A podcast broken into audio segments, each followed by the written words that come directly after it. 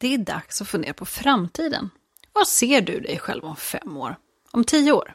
Har du verkligen gjort rätt karriärval? Ska du inte säga upp dig och istället bli eh, begravningsclown?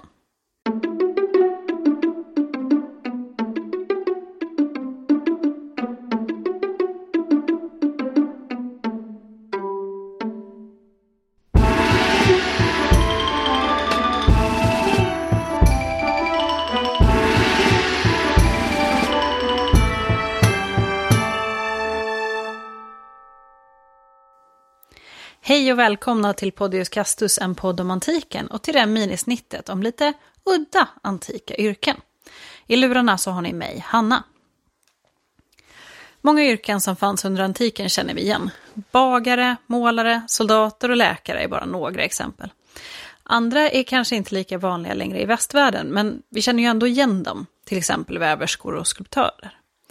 Andra finns tack och lov inte kvar, som eh, exempelvis huslav och befälhavare över stridselefanter. Men precis som det idag finns en uppsjö olika sysselsättningar så fanns det ju lika så under antiken. Och jag tänkte att vi skulle kika lite närmre på några med våra glasögon lite mer udda sådana sysselsättningar. Först ut så har vi Polarius. För romarna så spelade ju omen en väldigt stor roll i vardagen. Det var viktigt att veta vad gudarna tyckte och omen var som ett bra vägledande tecken. Och eh, de kunde vara bra både för att sanktionera ett äktenskap som kanske annars skulle kunna vara lite skandalöst. Som den som har lyssnat på vårt senaste avsnitt om liv jag vet. Men det var också väldigt viktigt på slagfältet. Och där det finns en stark tro, där finns det också goda karriärmöjligheter. Det fanns många olika typer av andliga specialister i Rom och eh, många av de här hade ju kanske ganska definierade roller eller uppdrag om man nu kan kalla det så. Polarius hade ett mycket speciellt sådant. De var nämligen ansvariga för de heliga hönsen. Ja, heliga höns. Polarius var en typ av augur, alltså en fågeltolkare. Och det var mycket viktigt att få klartecken från Polarius innan man drog igång till exempel ett slag eller flyttade sin här. För det mesta fick de heliga hönsen vara i fred, men inför ett avgörande beslut så samlade Polarius de högt uppsatta runt hönsens bur. Och sen så öppnade Polarius buren och slängde säd och en mjuk kaka som kallade pulse till hönsen. Om pullorna då kom ut och åt med god aptit, gärna så att det stänkte säd om dem, ja, då var det ett gott tecken. Då kunde Polarius utropa tripudium solistimum alltså sädeskornen, har dansat. Och det är bra. Det var ett tydligt klartecken från gudarna. Go ahead. Men om hönsen istället flaxade omkring och inte ville äta eller åt med dålig aptit, vilket kanske inte är helt konstigt om man har ett gäng romerska befälhavare som tonar upp över sig, då var det ett dåligt tecken. Och att medvetet feltolka sina heliga höns, det var otroligt dumt. Det finns eh, bevarade i skrift flera exempel på Polarius som gjort det och kort därefter då farit illa. Och likväl befälhavare som har struntat i hönsens omen och fått lida för det. För man ska inte underskatta de här heliga hönsen. De visste till exempel hur det skulle gå för Galba. Han blev ju kejsare år 69 efter vår tideräkning. Han eh, hade bara haft makten i några futtiga månader när han vände sig till augurerna. Men då ville hönsen inte ha någonting med honom att göra. De kanske redan då visste att han skulle bli knivhuggen bara två veckor senare och kort därefter ersatt med en ny kejsare. I självaste Rom kunde faktiskt vanliga medborgare tävla om att få tjänstgöra som just Polarius. Men om det här inte känns eh, som någonting som du är sugen på, kanske nästa yrke är mer för dig. För det kräver att du har starka nypor, precision, hyfsat bra syn och eh, inga problem med lite skrikande då och då. För då kanske du kan bli armhålsplockare. Vi är ju kvar i Rom och där var det, precis som det ofta är idag, modernt att vara eh, ganska hårfri på kroppen. Fast i Rom så gäller det både män och kvinnor. Så vid badhusen, men även i de rikas hushåll och som frilansare jobbade folk som hårborttagare. De använde vanligtvis pincett, men kunde också använda ett verktyg som ser lite ut som en skära. Men de kunde också ta till kåda och bivax för den kund som ville det. Och det var ju så att kvinnor betjänade kvinnor och män betjänade män. Och de plockade inte bara armhålor och överflödigt ansiktshår, utan även lite mer intima delar. Och det kan ju kännas lite. Vid olika utgrävningar runt om i den romerska världen så har man hittat mängder med pincetter. I eh, till exempel dagens England. För att se ovårdad ut, det var ett tydligt tecken på att ditt inre också var ovårdat. Någonting som man såklart inte vill. En av kejsare Neros rådgivare som ofta satt och skrev hemma i, sitt, i sin badhusnära bostad. Han klagade över armhålsplockaren utanför då han, citat, skriker ständigt och jämt med sin gälla genomträngande röst för att folk ska lägga märke till honom. Han är aldrig tyst, utom när han plockar armhålor och istället tvingar sin kund att skrika.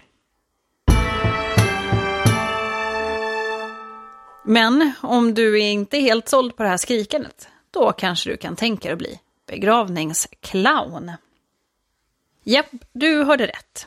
Men det här är inte en figur med stor röd näsa, bylsiga kläder och ett tokigt hår, vilket kanske hade varit bättre.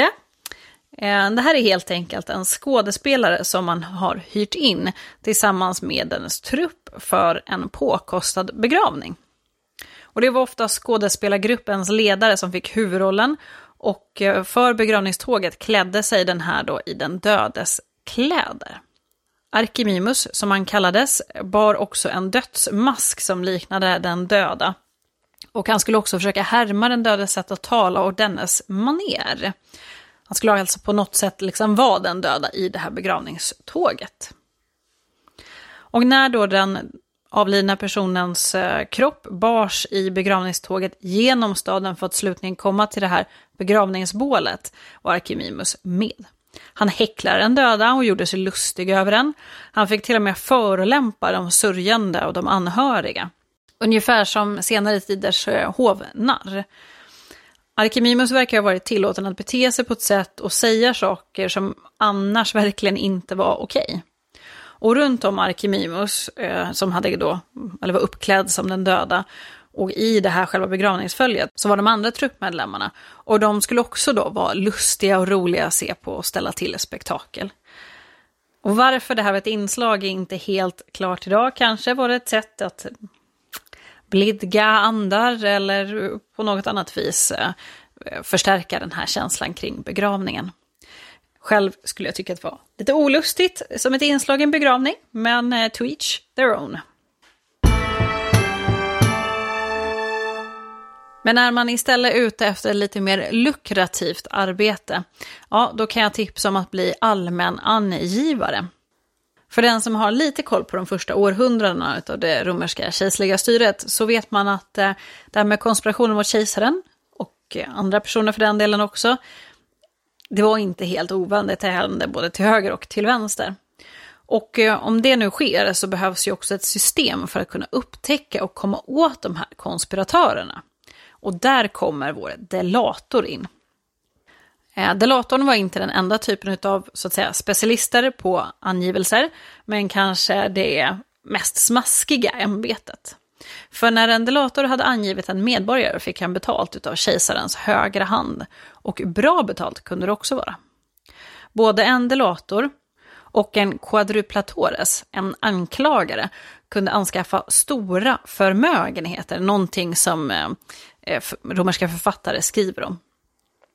Betalningen för de här tjänsterna varierade såklart beroende på hur betydelsefulla uppgifterna var och vem som anklagades och för vilket typ av brott. Men som ett exempel så kunde ersättningen vara 25% utav den anklagades tillgångar eller fyra gånger det bötesbelopp som den anklagade skulle få böta. Eh, så att eh, 25 procent av en väldigt rik romars tillgångar, det är ganska mycket cash att hova in. Och finns det pengar, då finns det ju såklart folk som är villiga att utföra jobbet. Och under kejsare Neros regeringstid ska det ha varit ovanligt många högt uppsatta romare som angav sina jämlika just för att komma åt tillgångarna. Det var helt enkelt lite stökigt under Nero om man ska tro de romerska författarna. Men man kunde också extra knäcka som prisjägare. Exempelvis om en högt uppsatt person mördats i sitt hem och en husslav försvunnit eh, nära inpå det här mordet. Då kunde en delator eller en quadruplator ge sig iväg för att hitta slaven och eh, så att hen skulle kunna ställas inför rätta. Så det fanns liksom lite olika delar i det här jobbet man kunde utföra. Och dessutom så fyller de en annan praktisk funktion. För om folk inte behagade att dö när kejsaren tyckte att det var hög tid för dem att gå ur tiden, då kunde en delator komma väl till pass. Nero, för såklart är det Nero när det är sådana här berättelser, ska ha haft återkommande pengaproblem. Och då var det ju väldigt lämpligt att det riktades så pass allvarliga anklagelser mot eh, någon förmögen romare så att han blev tvungen att ta sitt liv. Det var ju nämligen brukligt att låta då testamentera en del av sin förmögenhet till just kejsaren. Och det här kan ju ses som ett ganska smidigt sätt för kejsaren att fylla på skattkistan. Och det här kanske låter som otroligt lättjänade pengar, tänker du. Men det var ju ändå ingenting för den fege. För som delator riskerar du också något vid varje anklagelse. Om du, eller alltså din sida, inte vann rättsfallet riskerade du att dömas till samma straff som den du anklagade skulle ha straffats till. Samma sak gällde om du anklagade någon, men sen vägrade fullfölja den här anklagelsen.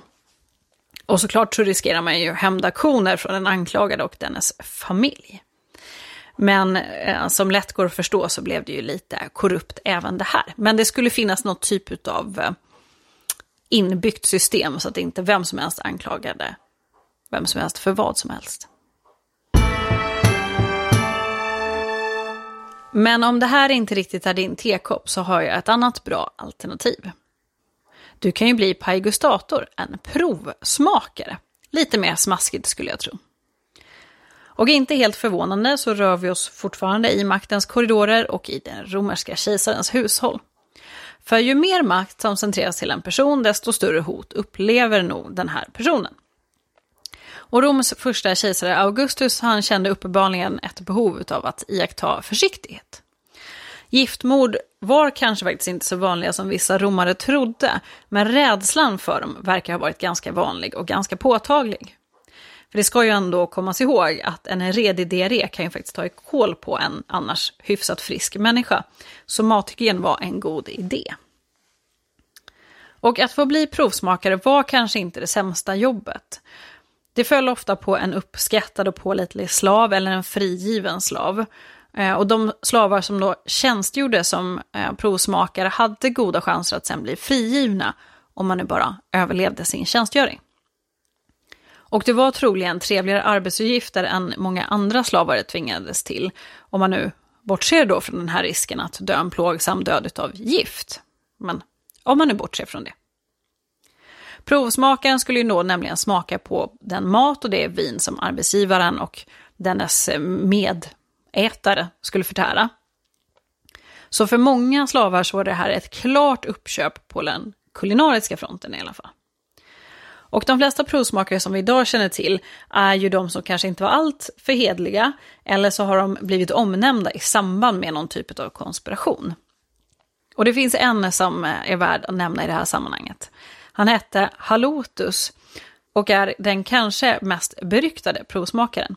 Han var enuck och tjänstgjorde som provsmakare och förmedlare av hemliga meddelanden åt kejsare Claudius, som dog av, enligt ryktena, just förgiftning. Men det här satte inte stopp för Halotus karriär. Utan efter att kejsare Claudius gick ur tiden så tjänstgjorde han under Nero och överlevde det, det är bra jobbat. Och även under den tidigare nämnda kejsare Galba, så blev en minst sagt lång karriär för honom.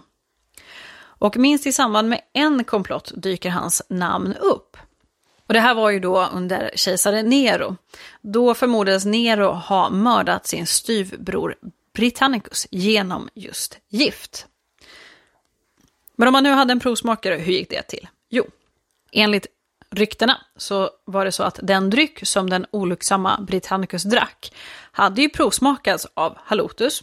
Han hade inte märkt av någonting, men Britannicus tyckte att den här drycken var alldeles för stark, så den späddes ut med vatten.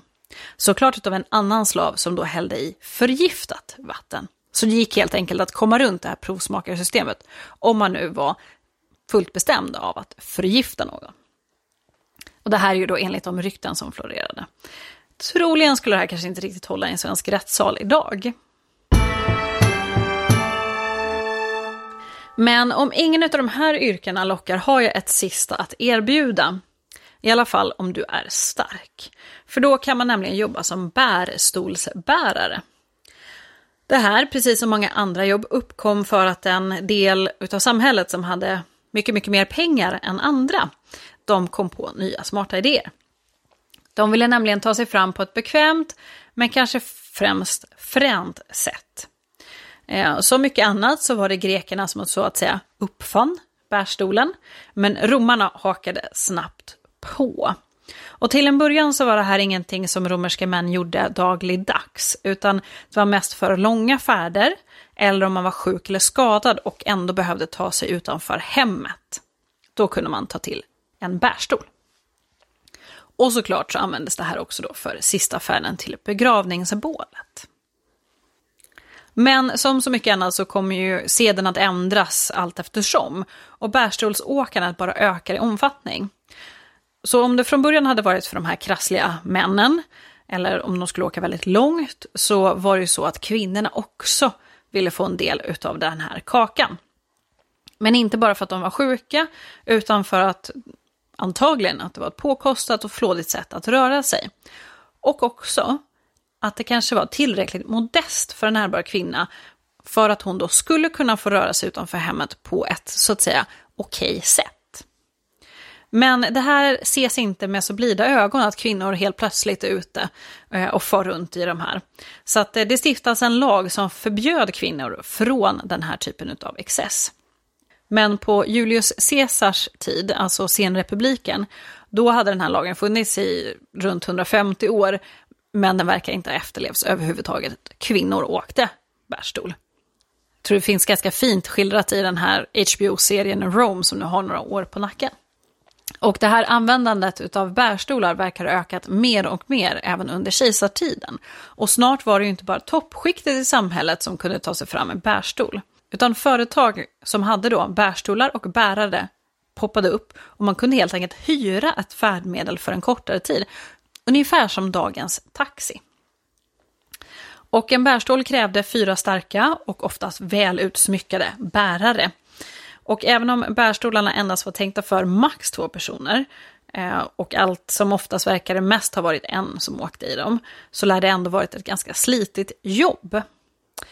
Det gällde inte bara att vara stark nog att kunna lyfta det här åbäket, utan också att göra det så smidigt som möjligt, att klara av den här snedbelastningen som blir i kroppen, och i värsta fall gå väldigt långa sträckor och dessutom navigera bland alla andra som rörde sig på gatorna. Många av de här åken var ju i sig ganska flådiga. Eh, och då skulle även bäraren vara då. Och att de var klädda i rött, det var något sånt där som man väldigt gärna gillade. Och få till riktigt fina röda färger, det kunde ju också vara väldigt dyrt att få till på tyg. Så att det säger också någonting om statusen på den här typen av färdmedel. Och många bärare var säkerligen både väldigt starka och skickliga på sitt jobb. Men det var trots allt ett ganska skumpigt färdmedel. Och eh, den här skumpigheten kunde ju ställa till vissa besvär. Men för den som behövde råd fanns alltid Cato den äldre till hands. Han gav rådet att, eh, citat, för att undvika skavsår, lägg en bit pontisk malört under anus innan du ger dig av på en färd i bärstol. Och det var allt för idag. Jag hoppas att du har fått några inspirerande uppslag. Själv tänker jag nog hålla kvar med mitt befintliga jobb och inte välja någon utav de här. Eh, men har du några frågor om det här minisnittet eller andra minisnitt eller kanske vill önska ett avsnitt så finns vi på Instagram och Facebook och man kan också mejla till oss på podiuscastus.gmail.com. Och med det får jag säga tack för idag och på återhörande.